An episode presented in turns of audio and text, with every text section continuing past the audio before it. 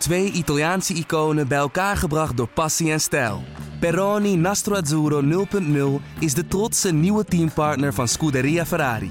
Doe mee met ons en de meest gepassioneerde fans op het circuit, de Tifosi. Samen volgen we het raceseizoen van 2024. Salute, Tifosi!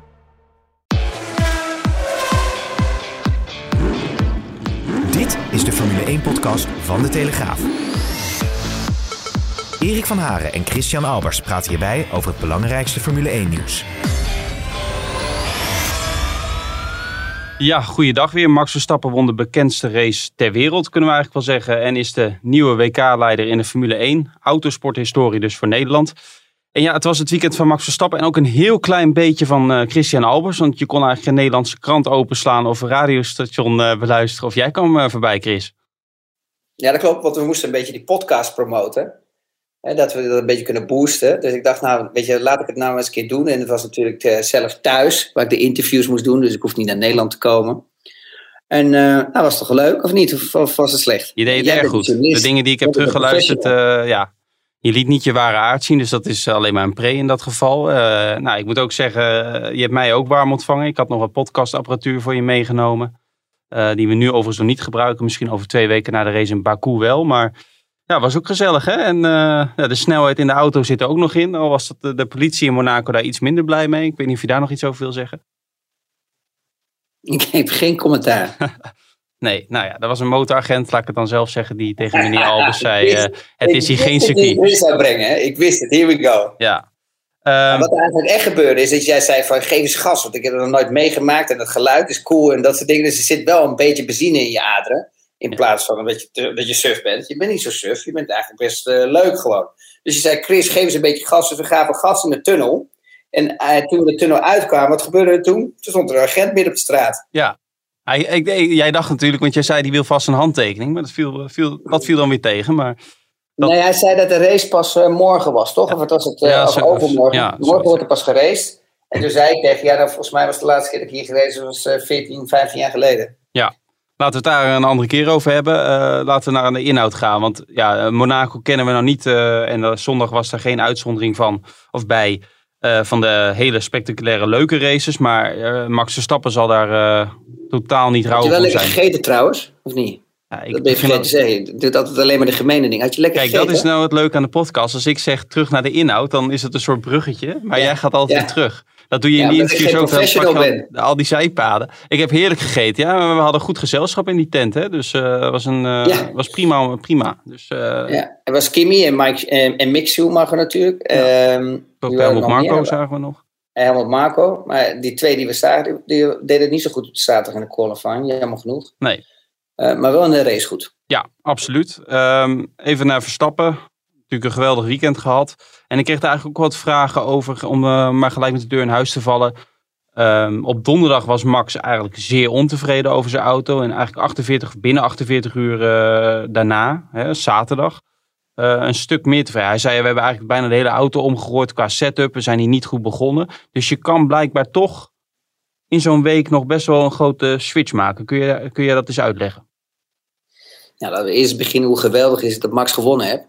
Ik denk dat het allerbelangrijkste is dat we dat, eh, ja, dat we dat beide kunnen beamen. Want het is natuurlijk wel echt speciaal natuurlijk dat we sowieso al een Nederlander in de Formule 1 hebben. Eh, en daarbij nog eens een Nederlander in een topteam. Eh, want dat kunnen we niet vaak genoeg zeggen. En dan nog eens een keer een Nederlander die geschiedenis schrijft, die wint in Monaco. Ik bedoel, hoe geweldig kan het zijn? En eerlijk is eerlijk, als je ziet bijvoorbeeld de qualifying die de reed, had hij ook echt de mogelijkheid om op pol te zetten. Dan moet je nog wel eh, bij het zwembad goed gaan en die laatste sector natuurlijk.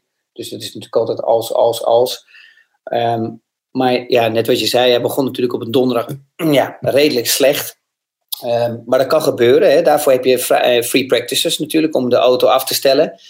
Eh, maar zoals we al zeiden in de laatste podcast, ehm, eh, waren de favorieten, zoals ik zei tegen jou ook, was natuurlijk eh, ja, Red Bull, en, maar Ferrari ook. Hè. Dat zijn er toch de twee auto's die veel mechanische grip hebben. Ehm, die changing van direction, dus dat zeggen van als je naar links naar rechts stuurt, hè, dat de auto snel volgt en dat die, en dat die veel grip hebt. Zonder, dus low speed, dus niet met te veel ehm, uh, druk op de, de vleugels. Nou, dat, is, dat komt natuurlijk super uit in Zandvoort. Zandvoort is een, uh, sorry, Zandvoort, jezus, we zitten al heel ver. Monaco is natuurlijk een, een circuit Um, wat natuurlijk low, weet je, low downforce is. Dus je hebt echt te maken met mechanische grip. Je hebt veel camber, je hebt het, het aanremmen, de acceleratie is heel erg belangrijk. Hè, de rolling speed, dus de, de, de rolsnelheid door de bochten. Um, dus ja, daar zie je toch dat die auto's allemaal naar, naar, naar voren komen. En, dan zie je toch dat de Red Bull supergoed presteert. Dat de Ferrari uh, het ja, mega goed gedaan heeft dit weekend. Um, en dan zie je eigenlijk dat Max eigenlijk op een donderdag heel slecht gestart is. Maar dat hij wel door de trainingen heen eh, samen met GP keihard gewerkt heeft en met het team om de, auto, om de auto beter af te stellen. En dan zie je toch dat het op een, op een Free Practice 3 op zaterdag, eh, dat hij er toch bij staat weer. En dat hij de mogelijkheid heeft om te strijden voor pole position. Het is ook wel leuk eigenlijk, want je hebt zoveel data die teams verzamelen. Hè. Je, de coureur zit in de simulator, reservecoureur zit in de simulator. Maar dat je toch ter plekke nog uh, dat je niet alles van tevoren kan programmeren. Dat het geen uh, robots zijn. Je kan niet alles programmeren. Dat vind ik ook wel iets moois hebben. Want anders zijn die vrije training ook nergens voor nodig. Dat, dat heeft toch wel uh, ook zijn charme. Ja, maar ja, het leuke er ook wel van is natuurlijk, net wat je zegt, hè, ja, sommige rijden wel in de simulator. Hè. Ik bedoel, Max vindt dat leuk. Als je kijkt naar Lewis Hamilton, die vindt er geen zak aan. Die vindt dat de simulator nog te ver weg is. Ik persoonlijk vind ook nog dat een simulator nog te ver weg is naar de realiteit. Um, als je op een circuit rijdt, heb je toch een hele andere belevenis als dat je, um, als dat je in een simulator zit. Um, maar ook daarin, de simulator helpt wel, weet je, al is het maar 50, 60 of 80 procent in afstellingen. Um, er zit iemand in de fabriek, hè, die doet uh, samen met de engineers bepaalde afstellingen wat doorgegeven wordt van het circuit. Waardoor, omdat je natuurlijk maar ja, een ja, kleine tijd hebt, je hebt ook uh, een limiet natuurlijk aan de, aan, aan de motorkilometers die je wilt maken. Dus je wilt niet de hele, zeg maar de hele training rijden met een motor, want ja, je moet met met een paar motors natuurlijk het hele seizoen doen. Um, dus ze geven soms wat, wat, wat werk naar de fabriek toe, hè, waar, die, waar die testcoureurs in die simulators gewoon dat testen, hè, wat voor een invloed het heeft, bepaalde veranderingen. Hè, bijvoorbeeld stabies, uh, ride height, uh, downforce level, dat soort dingen allemaal. En daar kunnen ze wel wat mee zien, als het ware. Maar, niet, maar dan is nog steeds altijd de vraag of het werkt op dat moment op het circuit. Ja, um, stappen. Ik, ik weet niet hoe, hoe dat bij jou is, bijvoorbeeld in je DTM-tijd, toen je echt tot de top behoorde in, in de, de gloriejaren van de DTM ook. Ehm, als jij dan een, een, race won, of misschien tweede, derde race van het seizoen, was je dan iemand die het van de daken schreeuwde, dat je feestjes gaf, dat je, dat je helemaal eh, je mannetje voelde? Want ik vond het gisteren zo frappant. Het verbaasde me aan de ene kant wel en, en, en toch ook weer niet. Verstappen een beetje kennende, maar nou win je Monaco. Uh, toch de, de race die iedereen kent, of je nou Formule 1-fan bent of niet. Komen natuurlijk ook normaal veel, heel veel mensen op af die helemaal niks met Formule 1 hebben. Daar hebben we het uh, afgelopen week ook uitgebreid over gehad. Um, maar Max was natuurlijk heel blij, maar dan ziet hij kijkt toch gelijk weer naar het grotere plaatje. Hij, hij zegt toch, dit is pas race 5 en we, moeten er nog 18. En we weten dat Mercedes op de zeg maar, normalere circuits gewoon een voorsprong heeft. En hij was zo ontspannen, zo relaxed. Dat vind ik toch alweer je kan natuurlijk ook, als je zo wint, iedereen wil, wil iets van je in die, in die krappe paddock. Hè. Je weet zelf hoe het is. En je kan natuurlijk best wel gaan, even eh, gaan vliegen, zeg maar. Of, hij blijft heel erg met zijn beide benen op de grond. Had jij dat vroeger ook? Of als iedereen je maar geweldig vindt, zeg maar? Uh, ja, bij ons, wij werden meer in het gereel ja, gehouden als het ware. Hè. Bij Mercedes was het natuurlijk best, best wel een strenge school. Um, wij konden ons niet zoveel uit als dat de coureurs vandaag doen. Um, als ik ga kijken naar Max, het is ook niet, de, het is ook niet de omstandigheden nu om te kunnen feesten. Hè. Ik bedoel, de, de, de stad is dicht om, om tien uur. Als je, als je in een restaurant eet, als je eh, een resident bent of een resident, of, of, je, he, of je hebt de vergunning of je hebt, uh, of je hebt een kaart. Ja. Dan uh, mag je eten en dan mag je om 11 uur thuis zijn. Dus ja, dat is ook niet echt dat je zegt dat je een feestje kan vieren. Nee, maar los van, los, van het feesten, los van het feesten, maar meer gewoon dat je dus toch dat je al zo snel weer naar voren kijkt. Dat je naar het grotere plaatje kijkt. Dat je, dat je niet uh, met superlatieven strooit. Maar dat je ook wel gelijk zo down to earth bent. Dat je gewoon alweer naar de toekomst kijkt. Ja, dat denk ik wel. Ik denk dat heel veel coureurs... Ja, maar iedereen reageert daar anders op. Maar je, ziet nu dat Max een beetje alles bij, ja, weet je, in elkaar valt. Als, als, als, als het ware een sterke puzzel. want hij, hij, hij wordt ook steeds sterker, hij wordt steeds volwassener, hij wordt ouder. Uh, misschien komt het wel dat hij nu uh, een nieuwe vriendin heeft, waar hij het leuk mee heeft, waar hij basis krijgt, je, dat hij rust creëert voor zichzelf. Nou, je ziet ook dat uh, Jos, misschien Raymond, je ziet dat alles verandert bij, op dit moment bij Max. En ik denk dat het ook te maken heeft met de leeftijd, en dat, daar hebben we het al vaak over gehad. Je ziet het ook in, in de hele benaderen van de pers. Je ziet dat hij veel rustiger is geworden. je ziet soms ook dat hij ietsje eh, minder los is dan dat hij vroeger was. Hè. Vroeger gooide hij veel meer uit. Je, ziet dat hij nu één keer overdenkt voordat hij iets zegt. Uh, dus ja, dan weet je, dat, dat, ja, dat maakt ook op een gegeven moment ook de kreur. Je ziet dat hij, ja, dat hij gewoon ook elk jaar dat hij toch professioneler wordt. En dat hij ook meer meemaakt met meer ervaring. En of dat nou op het circuit is, of, of dat nou buiten het circuit is, uh, met de opmerkingen die hij maakt, dat hij terugleest hè, of dat hij hoort. Ja, daar, daar leert hij natuurlijk allemaal van.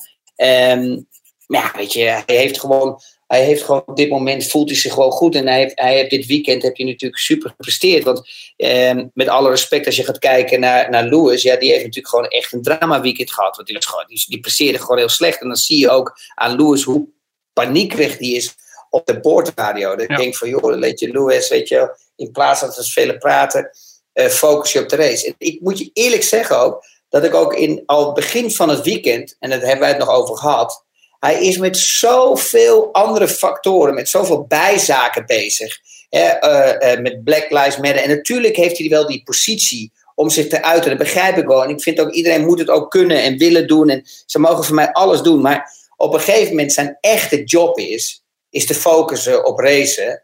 Ja, en daarmee te scoren. Dat, dat is zijn job. Tot, maar het is dan niet heel anders dan de afgelopen jaren met Lewis? Nou, ik merkte wel gewoon, uh, maar misschien lag dat aan mij, maar ik merkte wel dat de laatste week dat hij daar wel echt heel druk mee bezig was. Met dat, en zeker omdat natuurlijk Monaco is natuurlijk een gigantische hype natuurlijk wat er gecreëerd wordt. Iedereen wil in Monaco zijn. Monaco hoort bij Formule 1. Ja, weet je, en dan gaat hij zich ook bemoeien met, met, met de Grand Prix dat het misschien niet zo'n leuke race is en al dat dingen. Denk, ja, Lewis, weet je, hou je gewoon bezig met de race. Ik bedoel, uh, Monaco is Formule 1. Formule 1 is Monaco. Dat is hetzelfde als dat je zegt dat Ferrari gaat weg uit de Formule 1. Weet je, dat soort nonsens. Weet je, die twee, die, die, die hebben elkaar allemaal nodig om Formule 1 succesvol te maken. Dus, weet je, dat, dat zei ook Stefano Domenicali goed ook. Weet je, ja, weet je, iedereen is replaceable. Uh, Formule 1 gaat altijd verder. Want als Lewis Hamilton stapt stopt, dan krijgen we vanzelf Max Verstappen, we krijgen zelf uh, Lando North, en we krijgen iedereen allemaal. Dus ja. weet je, we krijgen Leclerc, we krijgen Sainz die het goed doet. Uh, dus weet je, die, we zijn iedereen heel snel vergeten. Kijk maar, wie heeft het nog over Michael Schumacher? Uh, op dit moment, wat een van de beste coureurs was uh, in de wereld, met minder races dat hij kon rijden. en toch zulke records verbroken. Ja, Mercedes had inderdaad veel problemen, ook met de, met de banden die er snel aangingen. Um, kun je dat verklaren? Want we hebben natuurlijk Mercedes op andere circuits de laatste weken heel dominant gezien. Uh, Toto Wolf, de teambaas, zei ook van ja, je bouwt een auto voor 23 races en, en Monaco is nou echt een, een negatieve uitzondering voor ons. Dat is niet de eerste keer. Ben je het daarmee eens? Ja, dat is een hele, hele slimme opmerking. Ja, zo werkt het natuurlijk altijd. Ik bedoel, je maakt een auto natuurlijk en je moet een auto maken die past bij de meeste circuits. Ja, Monaco is natuurlijk niet een normaal circuit. Dat is natuurlijk een, ja, een, een buitengewoon circuit. het is uh, alleen maar mechanische grip. Um, um, ja, het, het, asfalt is anders. Uh, het is compleet anders vergeleken bij andere circuits. Dus ja, daar heeft hij wel een puntje. Maar aan de andere kant zeg ik ook van ja, luister eens als je kijkt naar de performance uh, die de twee mannen hebben geleverd. Um, ja, ik vond Bottas nog wel in het begin bij kunnen houden. Maar dat is ook, als, als, je, als je gaat kijken en als je gaat analyseren de race van Barcelona. Hoe snel en hoe hard Max uh, vanaf het begin ging rijden. En, vergelijk, en je vergelijkt dat met Monaco. Heb je gezien dat hij daar rustig opbouwde. En dat hij daar eigenlijk ja, een beetje meer constant reed. En dat hij, en dat hij het rustig opbouwde tot het einde. En waardoor hij dus gewoon veel sneller rondetijden rijdt. Dus ook daarin lag hij in een andere positie. En wist hij ook van oké, ik lig nu voorop. Dit is een circuit waar je niet ingehaald kan worden. En daar zag je dus eigenlijk een meer berekenende Max. Als bij de andere, uh, bij, de, bij de laatste Grand Prix in Barcelona. Ja. En, dat, en, en, en dan zie je op een gegeven moment een um, Bottas en dan denk ik bij mezelf, ja, het is een mooi verhaal van Toto, maar dat klopt niet helemaal. Kijk, Bottas krijgt natuurlijk sowieso problemen voor. Want die rijdt natuurlijk ja, binnen een seconde van Max Verstappen, 1,2, 1,3. Dus je heeft gewoon die vieze luchtstroom. Dus wat krijg je? Je krijgt veel meer temperatuur in je voorbanden. Hè, want je, je, krijgt steeds meer onderstuur omdat je achter Max rijdt. Dus ja, op een gegeven moment kreeg hij linksvoor natuurlijk blistering. Um, maar als je ging kijken naar zijn rondetijden, vond ik er wel meevallen uh, uh, hoe slecht de auto het was. Ze hadden gewoon allebei gewoon hun weekend niet. Maar dat komt ook omdat het gewoon het, de auto is. En de auto is gewoon compleet andere filosofie als de Red Bull en als de Ferrari. Ze hebben een langere wielbasis, dus hij is wat slomer met de reactie van insturen. Hè, uh, en en daar, is, daar is de Red Bull en daar is de Ferrari wat agressiever in.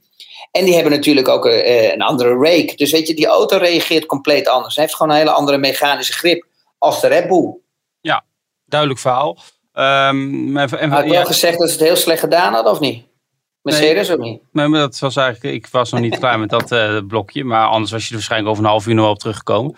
Maar um, uh, Lewis Hamilton was ook erg ontevreden over de, over de gekozen strategie. Hij ging natuurlijk als eerste naar binnen eigenlijk van de mannen uh, voorin.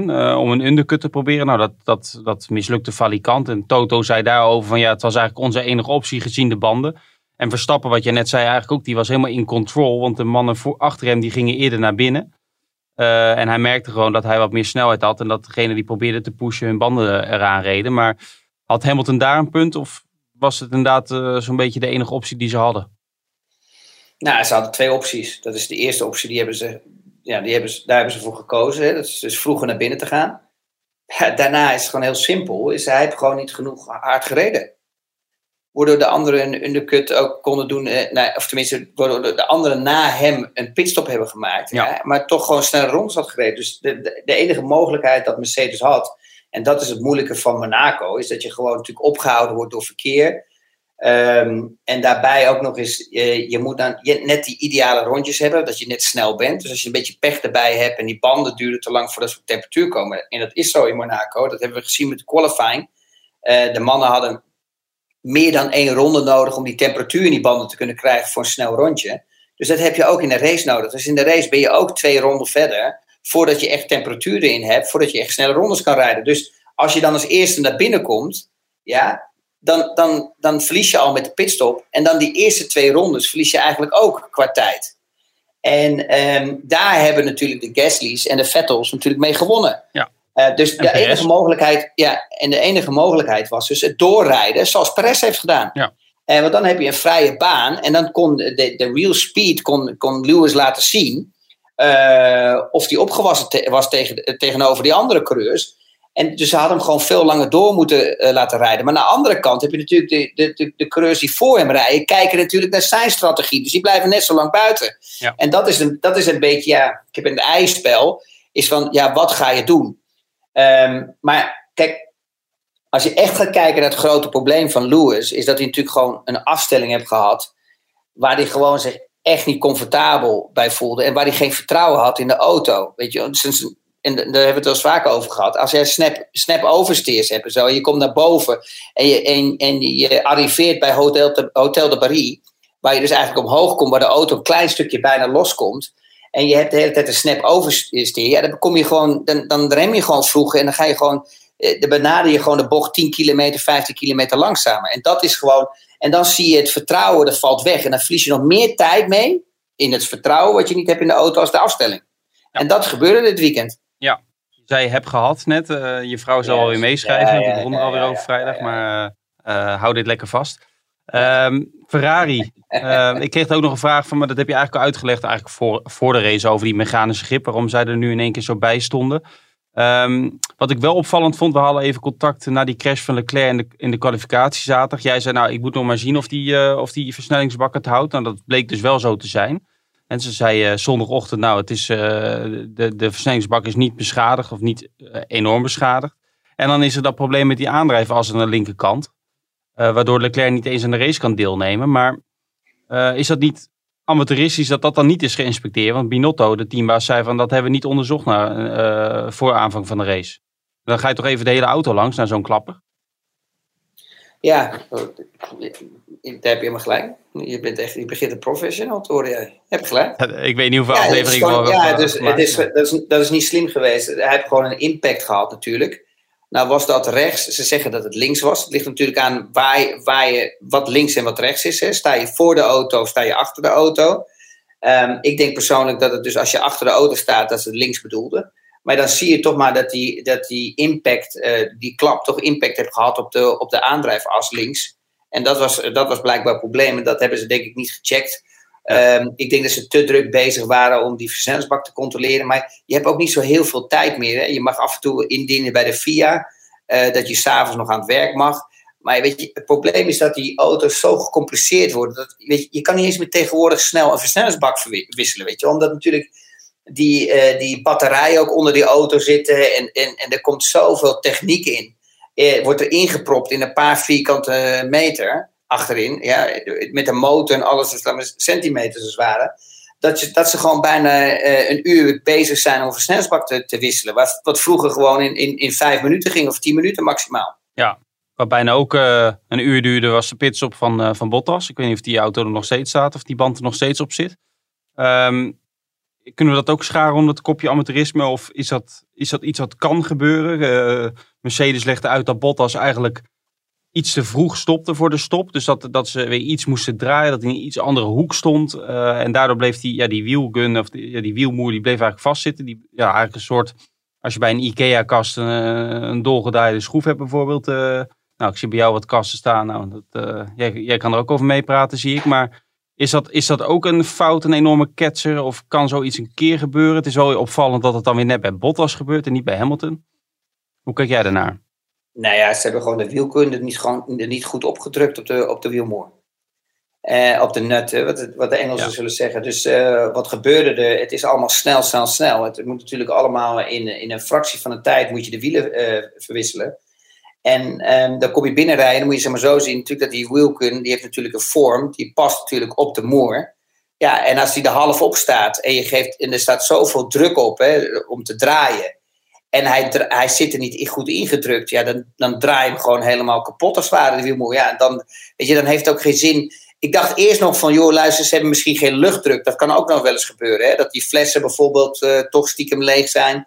En dat, je, en dat ze dus eh, proberen de wiel, uh, wielmoer eraf te krijgen, maar dat, die, dat de wielgun het dus gewoon niet doet omdat hij, omdat hij geen luchtdruk heeft. Maar ze hebben hem gewoon kapot gedraaid. Ja, dan kan je niks meer doen. Dan heb je een hamer en een buitel nodig. Want dan moet je eigenlijk de, de moer kapot slaan. En, uh, en die moeten dan afgehaald worden. En dan moet dan een nieuwe moer op. Ja, dan, dan is het gewoon klaar. Dan staat hij zo lang binnen. Ja, ja. dus dat is gewoon balen. Ja. Het is gewoon pure pech. Dat heeft niks met Mercedes te maken. Dat heeft niks met, uh, uh, te maken met, uh, met de wheelgun of met de, of met de, met de wielmoer. Het heeft te maken gewoon, dat zijn gewoon echt momentopnames. Dat is de druk van Formule 1 om zo goed te kunnen moeten presteren, ook met een pitstop, zo snel mogelijk een pitstop te maken, dat, dat gewoon, ja, degene met de wheelgun heeft gewoon een fout gemaakt. Hij heeft hem gewoon niet goed erop gedrukt en te snel laten draaien.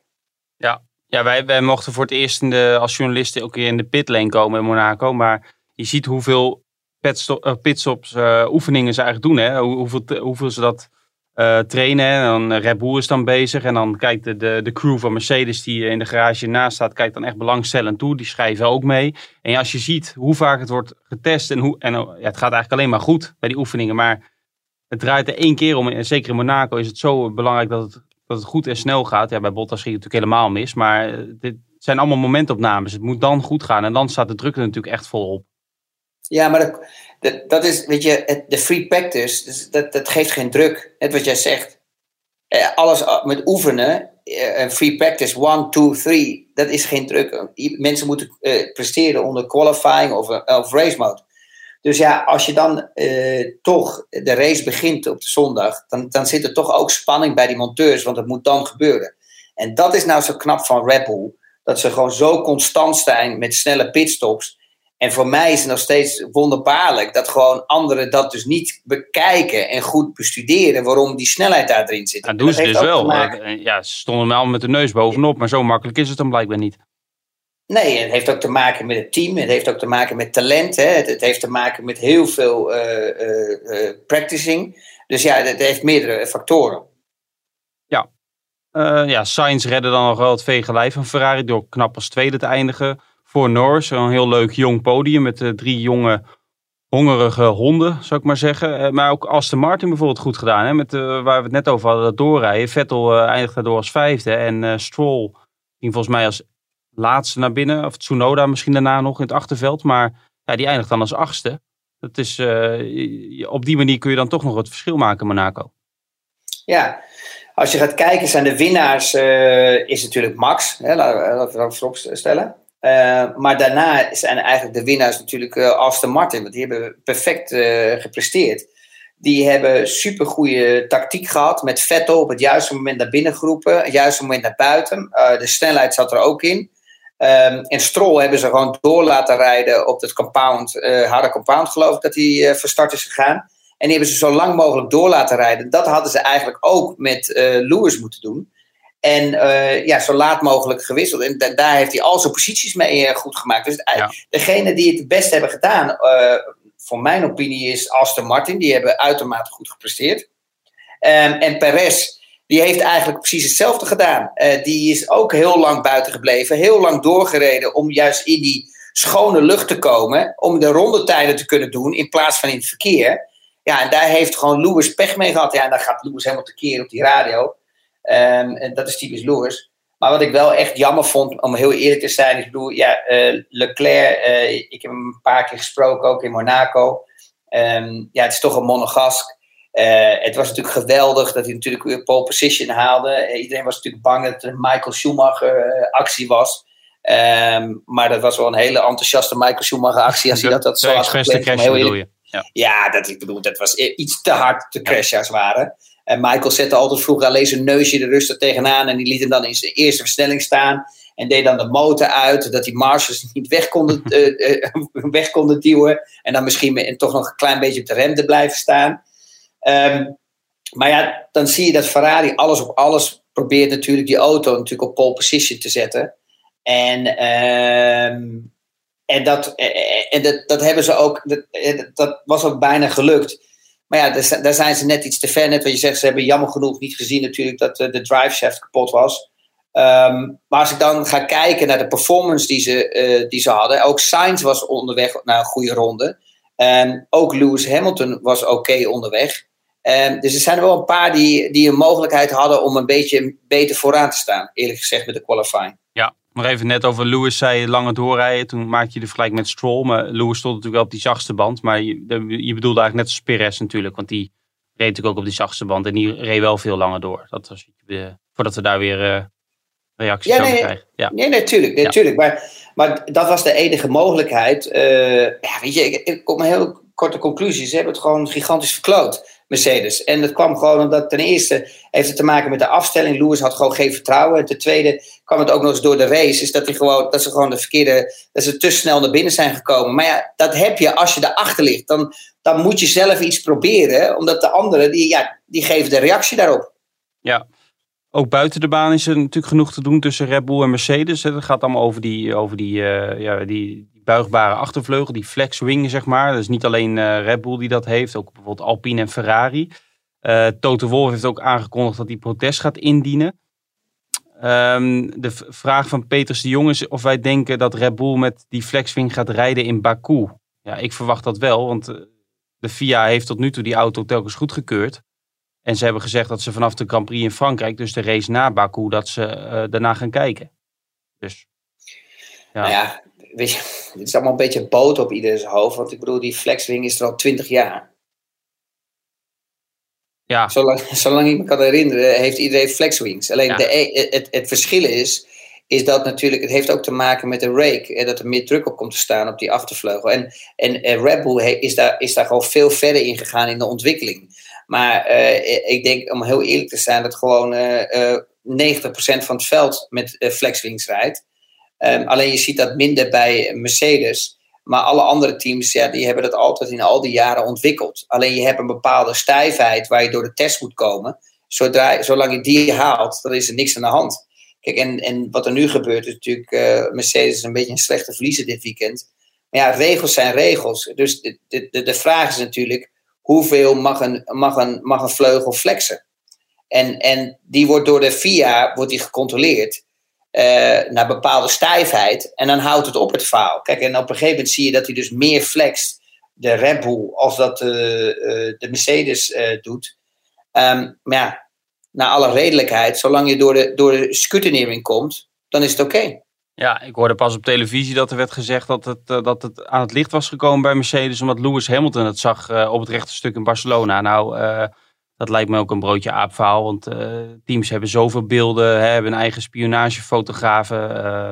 Dan kan je, dat is echt een lulfout. Ja. Dat kun je helemaal niet zien met blote ogen. Nee, nou dan zijn we het eh, daarover eens.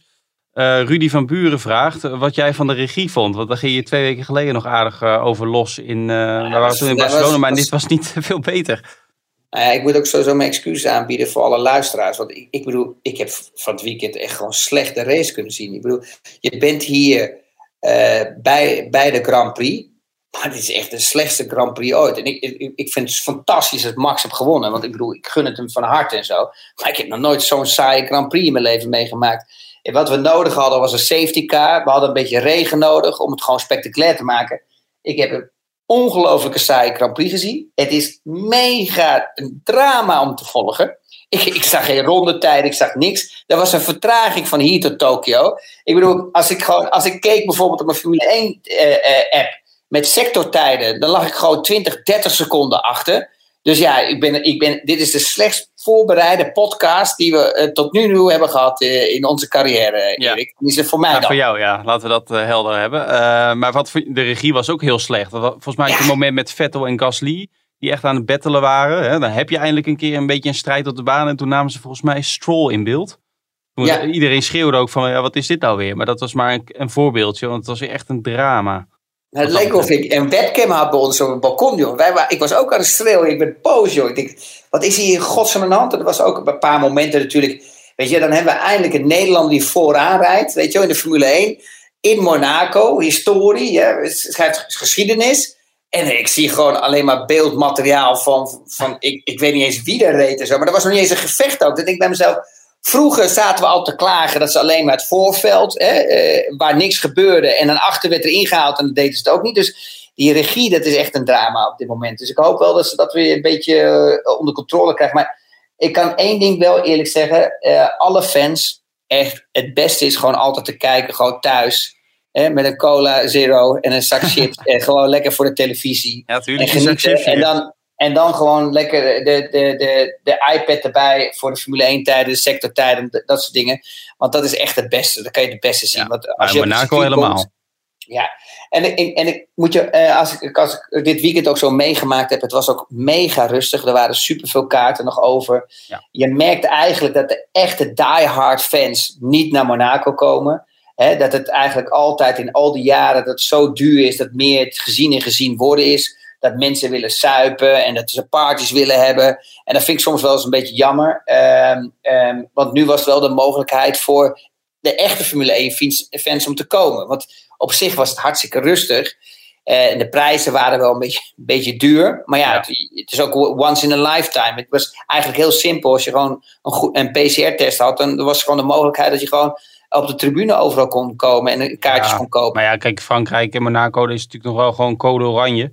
Alhoewel, ik heb uh, in anderhalf jaar tijd toch niet in uh, zulke volle vliegtuigen gezeten. En ook op Schiphol vond ik het al een stuk uh, drukker. Dus mensen hebben er toch misschien wat meer maling aan op dit moment. Maar ja, dat is natuurlijk nog wel allemaal steeds een opgave om dan te gaan. En wat je zegt, die prijzen, ook van de hotelkamers en, en de tribunekaarten, die, dat Monaco is dan niet de, de, de plek waar ze in de, in de, budget, in de budgetbak... nou, dat ben ik niet met je eens. Bij. Want ik moest, hotel, ik moest hotelkamers boeken in Menton. En ja. die waren eigenlijk uh, vrij goedkoop voor ja, de voor jouw, voor jouw standaard, nee, ja. Nee, nee, dat is niet waar. Dat is niet waar, Erik. Het was gewoon, het was uh, vanaf 60 tot en met 150 of 180 euro, omdat er gewoon geen mensen kwamen. Dus ze hebben die prijzen ook uh, laten zakken.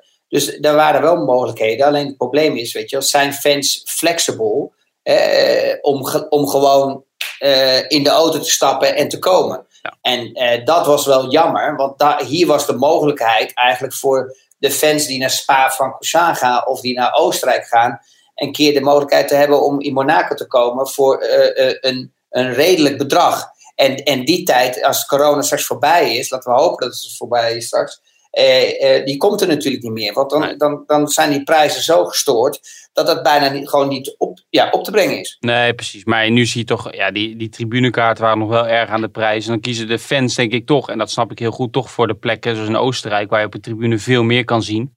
Correct. Uh, en in Monaco zie je, nou, als je 100 meter ziet van het circuit, dan, dan ben je al spekkoper. En verder zit je, wat jij ook afgelopen week zei, alleen maar naar een scherm te turen. Ja, dat kun je thuis ook. En zeker nu, en er waren geen feestjes, er was een avondklok. Het was eigenlijk een hele saaie bedoeling wat dat betreft. Dus um, ja, nou, als je dan een keer Monaco gevoel wil meemaken, dan wil je ook wel het echte Monaco gevoel meemaken. En dat was nu natuurlijk niet. Nee, dat klopt. Maar het is wel leuk, denk ik. Maar, maar laten we eerlijk zijn. Ik bedoel, Formule 1 bestaat natuurlijk voor, voor, om op televisie te kijken. En het is natuurlijk wel spectaculair om een Formule 1 race te zien. Natuurlijk in Monaco, als vergelijkbaar bij een, bij een ander circuit. Dat is natuurlijk wat saaier om te zien. Want je ziet wat poten liggen. Je gaat, uh, het, is, het is gewoon even wat meer atmosfeer. Maar net wat je zegt, gewoon voor mij als een analist Um, en zowel daar iedereen te woord staan en daar gaan kijken op een balkon. Uh, met, met de tijden die gewoon uh, bijna een minuut eerder binnenkomen. En je ziet maar een kleine stuk van het circuit. En ik had echt een goede plek. Maar ja, weet je, als je op een gegeven moment, als er nou Hotel de Paris naar boven gaat, ja, dan zie je niks meer. Je kan natuurlijk op, ja, moeilijk op twintig plekken tegelijk staan. Dus dat gaat niet. Nee. Dus dat, dat vond ik wel jammer van, de, van, van, dit, uh, van deze race. Ik moet je ook eerlijk zeggen, de race was ongelooflijk saai, maar dat heb ik al gezegd. Dus er gebeurde ook geen fluit. Er waren twee inhaalacties. Er was één Eén. inhaalactie. En dat was uh, Mick Schumacher, die fantastisch bij het Fairmont Hotel uh, in de hairpin naast de Massapin gooide. En, en die dat, ja, maar die deed het toch top, of niet? Ja, bedoel, maar we hadden van tevoren hadden we één ding besproken voor de podcast. En dat, toen hadden we volgens mij afgesproken dat dit de prijsvraag zou zijn. Maar nu ah. geef hem al weg. Shit, nou, maar dan verzinnen we nog wat nieuwer dan. Ik, ik weet nog wat. Ja. En dan had je natuurlijk de actie uh, dat Vettel uit de pits kwam. Maar ja, dat was natuurlijk niet inhalen. Dat was ook geen inhaalactie, want daar zat nee. er nog steeds niet voor. Ja, en, en dan hield het eigenlijk op. En, en dat vond ik wel echt jammer. Ik vond, ja, ik vond echt, uh, ja. Buiten natuurlijk dat Max had gewonnen, wat natuurlijk fantastisch is, vond ik het een saaie ja, en nog even snel wat vragen doornemen. Ik, uh, wat opvallend was, ik kreeg best wel wat vragen over. Uh, ik, ik vind het vaak niet zo netjes om over collega's uh, of collega-zenders, kranten te praten. Um, maar ik kreeg nu toch wat vragen, meer richting de toekomst. Zico raakt natuurlijk de Formule 1-rechten kwijt. En staat Christian ervoor open om analyses op tv te geven? dat, dat wordt vuurwerk. Nou ja, ik sta altijd voor alles open. Alleen ja, eh, eh, eh, dat ligt er natuurlijk aan of dat, of dat te combineren is met mijn, uh, met, met, ja, met mijn gewoon normale activiteiten. Ja. Uh, met mijn werk.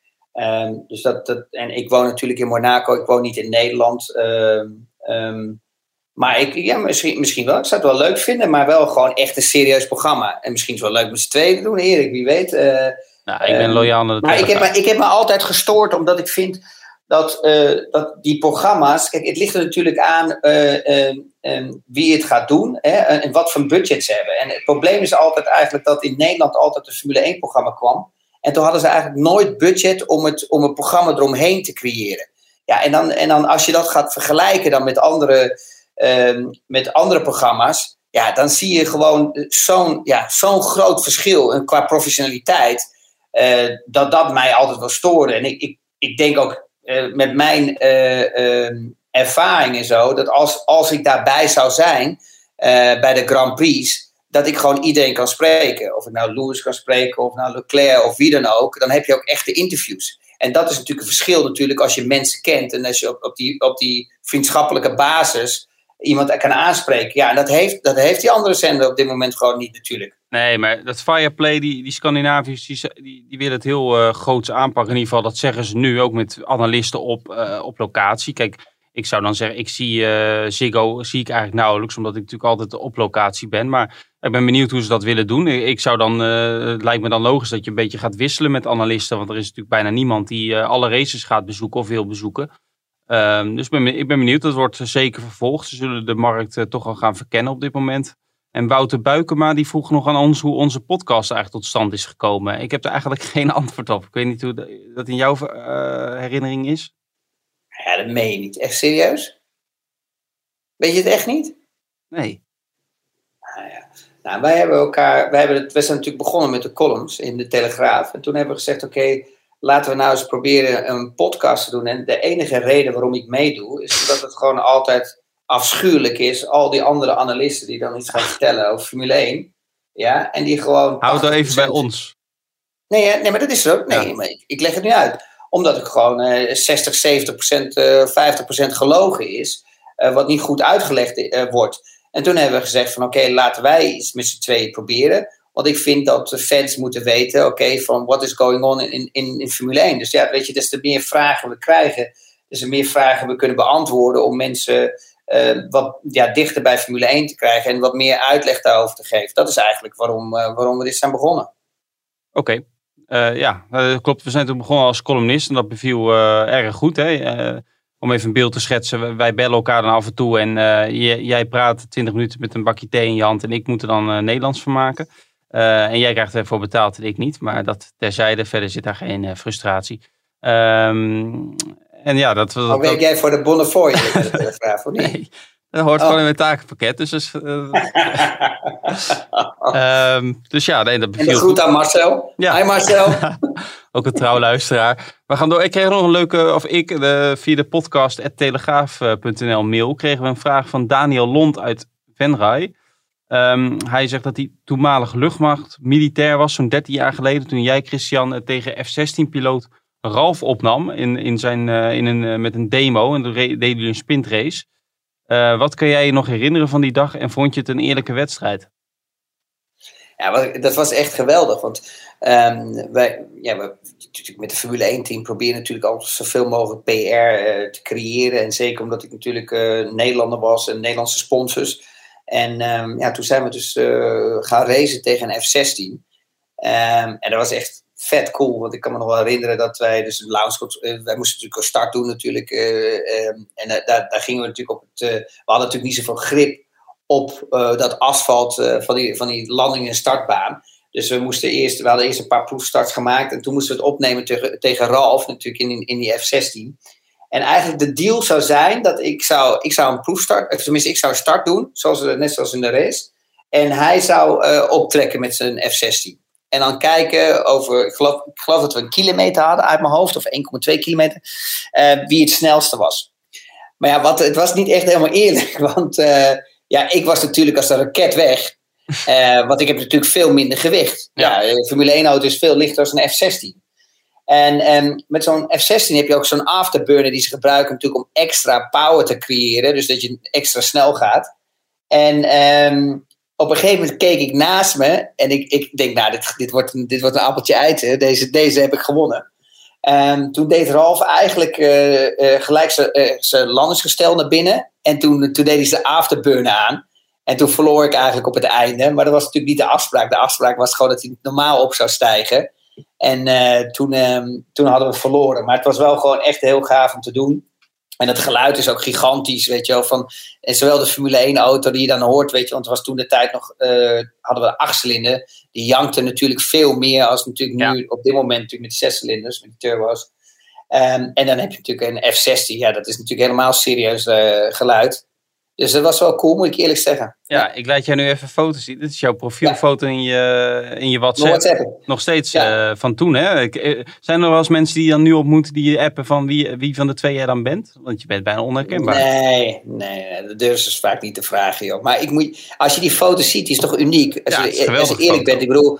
Hoeveel eh, Formule 1-coureurs hebben het meegemaakt om tegen een, een, een, een, F, een F-16 straaljagerpiloot op te nemen? Um, dit was wel echt gewoon serieus. Als je gaat kijken, volgens mij is er nog nooit echt eens een keer echt iets met een F-16. Dit was een F-16, hè.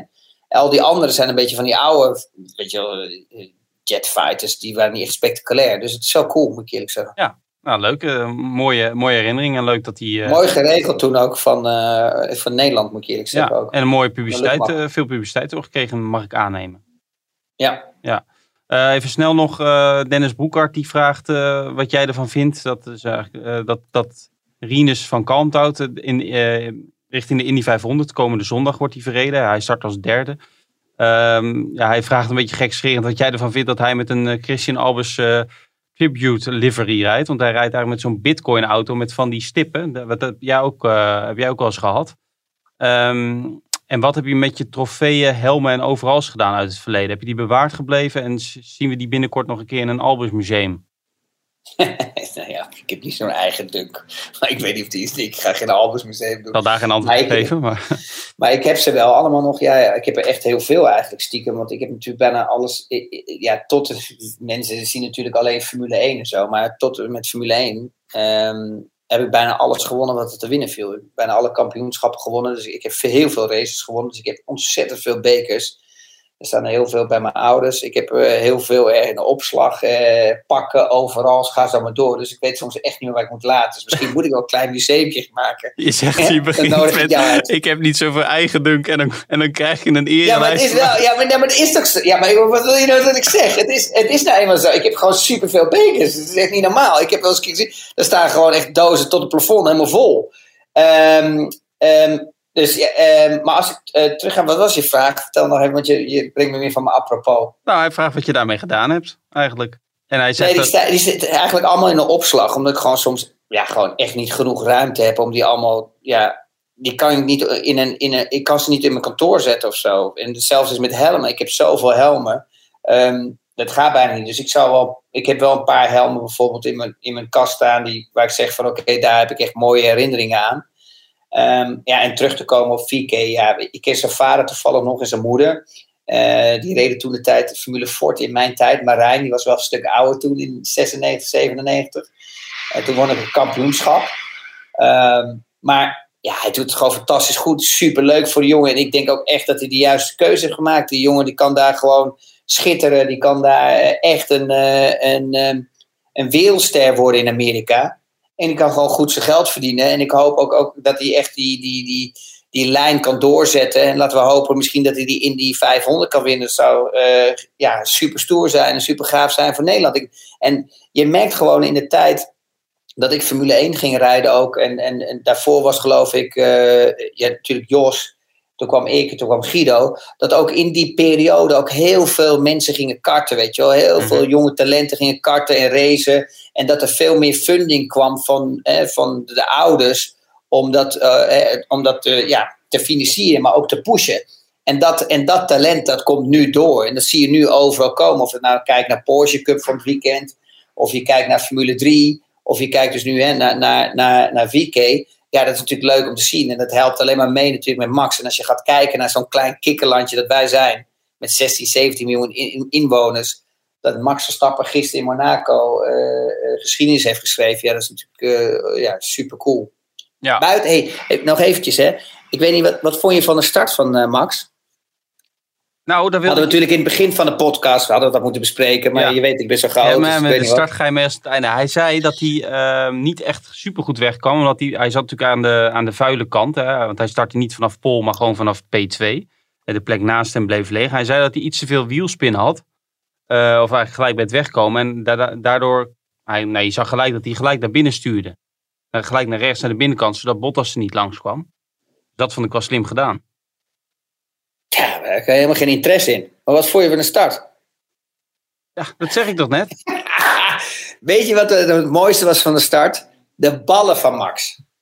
Heb je gezien tot hoe ver hij naar voren reed? Voorbij Ja, de gele lijn. Dat wilde ik jou nog... hij, gewoon, hij had een millimeter over. Als hij hem in zijn eerste versnelling had moeten zetten, dan had hij stop en go gehad. Dat wilde ik nog... Zoveel risico had hij genomen. Ja, dat wilde ik nog zeggen, maar voordat ik eh, eh, de analyse gaf van Max. Ehm, die, dat plaatje kreeg ik een paar keer doorgestuurd. Want mensen zeiden van ja, Gasly kreeg toen 10 seconden straf. Alleen mensen moeten weten dat er, daar zitten allemaal sensoren. Dus als die daar een millimeter over de lijn was gegaan, waar het niet had gemogen, dan zou de FIA dat gelijk zien. Dan ziet de wedstrijdleider dat meteen. Ehm, dus tijdens de race was het duidelijk dat het niet zo was. Want anders krijg je op een gegeven moment de melding under investigation. Dus, Ja, maar, ho, maar, doe je je, maar, doe je dat, beter uitleggen voor de fan. maar doe je dat Het- bewust, dus als coureur? Nee, dat doe je niet bewust. Maar, Maar je je toont. uitleggen. Is je hebt zo'n zo'n zo'n zo'n zo'n zo'n hok waar je in moet staan. Ja, En er, sta, en, er, en er, er staan witte lijnen natuurlijk. Één Ja. witte lijn ervoor. En dan komen ze naar achter als het ware. Maar dan heb je een gele. lijn. Ja. En die loopt helemaal naar rechts. En die gaat heel ver buiten dat hok. En waarom is die gele lijn heel ver buiten het hok? Omdat wij zitten zo laag, of tenminste wij, ik zit nooit meer in de Formule 1, maar in ieder geval, de Formule 1-coureur zit zo laag in de auto, dat hij dat hok niet kan zien. Dus hij kan die strepen niet zien. En hij weet niet tot hoe ver zijn voorbanden gaan. Dus ze hebben een gele lijn gemaakt. En die gele lijn die loopt zo ver naar buiten dat ze met het oog het, het wiel kunnen zien dat die precies op de gele lijn staan, dan staan ze goed. Dan komen ze niet over de witte lijn heen. Maar wat Max gisteren deed, Max die reed gewoon echt nog een stuk verder door als die gele lijn. Dus hij stond precies op de witte lijn. En het verschil was bij Gas Gasly, was dat hij over de witte lijn stond. Maar wat je wel eens hebt op, op een gegeven moment met de Formule 1 auto, en ik denk dat hij in zijn één is blijven staan, of hij heeft echt bijna niet bewogen. Soms heb je wel eens met een Formule 1 auto, als je natuurlijk de eerste versnelling selecteert, weet je, dan geeft hij wel eens nog een stootje, hoor, omdat hij in zijn één gaat, dat hij een klein stukje naar voren gaat. Een millimeter of twee, drie, vier. Um, en, dat, en dat was natuurlijk ook het probleem bij Gasly. Was, ten eerste, hij was al voorbij de streep, dus hij was al de, de, de sigaar. Maar bij Max zag je echt gewoon, hij was voorbij de gele lijn en stond echt gewoon op het limiet op de witte lijn. Dat was on, ongelooflijk. Ja, en daarna had hij een goede start, want dat was je vraag, hoe de start was, niet hoe de startopstelling was. Dus die krijg je dan uh, gelijk nou ja. even terug. Um, nou, hij, hij, hij had hem gecentreerd, zeg maar schuin ja, gezet schuin, naar rechts. Ja. Hè? Waardoor hij dus in principe geen uh, wielspin krijgt. Want wat gebeurt er als je uh, van, van, van richting verandert onder een start? Ja, dan, dan krijg je minder tractie. Dan heb je de kans dat je een, een hele snelle wielspin krijgt. Dus wat hij gedaan heeft, is hij heeft hem schuin gezet. Helemaal op het limiet. Dus hij hoeft alleen maar te concentreren met zijn stuur recht te houden en een start te maken. En dat hij dus eigenlijk voor uh, Bottas neer kan zetten, waardoor Bottas van gas af moet gaan. Ja, duidelijk. Um, zoals beloofd hebben we weer een prijsvraag. En wat geven we weg? Dat is het uh, programmaboekje van de Grand Prix van Monaco. Dan kun je zeggen, ja. ja, wat interesseert mij dat? Nou, dit is het, uh, het, volgens mij het eerste fysieke programmaboekje bij een race sinds um, uh, anderhalf jaar. Dus eigenlijk sinds uh, nou, de Grand Prix van Australië vorig jaar die niet doorging. In coronatijd hebben we dat helemaal niet gehad. Wilde je nog wat zeggen, Chris? Of, want je zit te zwaar. Ja, ik weet wel, ik weet wel een prijsvraag. Ja, ik, had er ook, ik had er ook een in mijn hoofd. Maar ga jij eerst maar. Kijken of ik het helemaal goedkeur.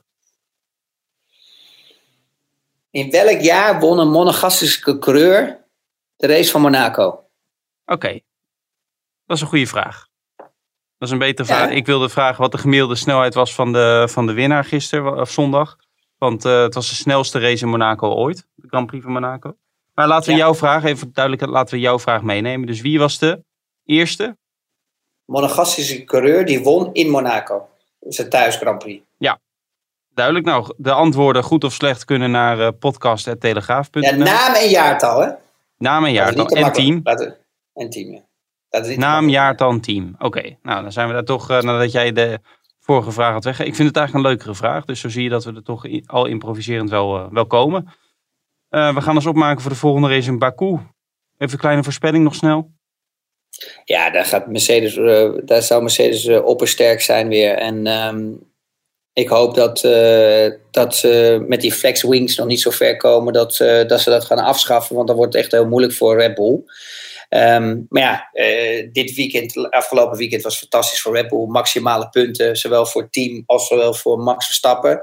En je ziet hoe het kan veranderen in één keer. Iedereen had eigenlijk al Red Bull afgeschreven. Het was allemaal dit en zus en zo. Maar je ziet dat een Grand Prix zoals Monaco, die er tussendoor komt, dat in één keer alles weer in de war gegooid kan worden.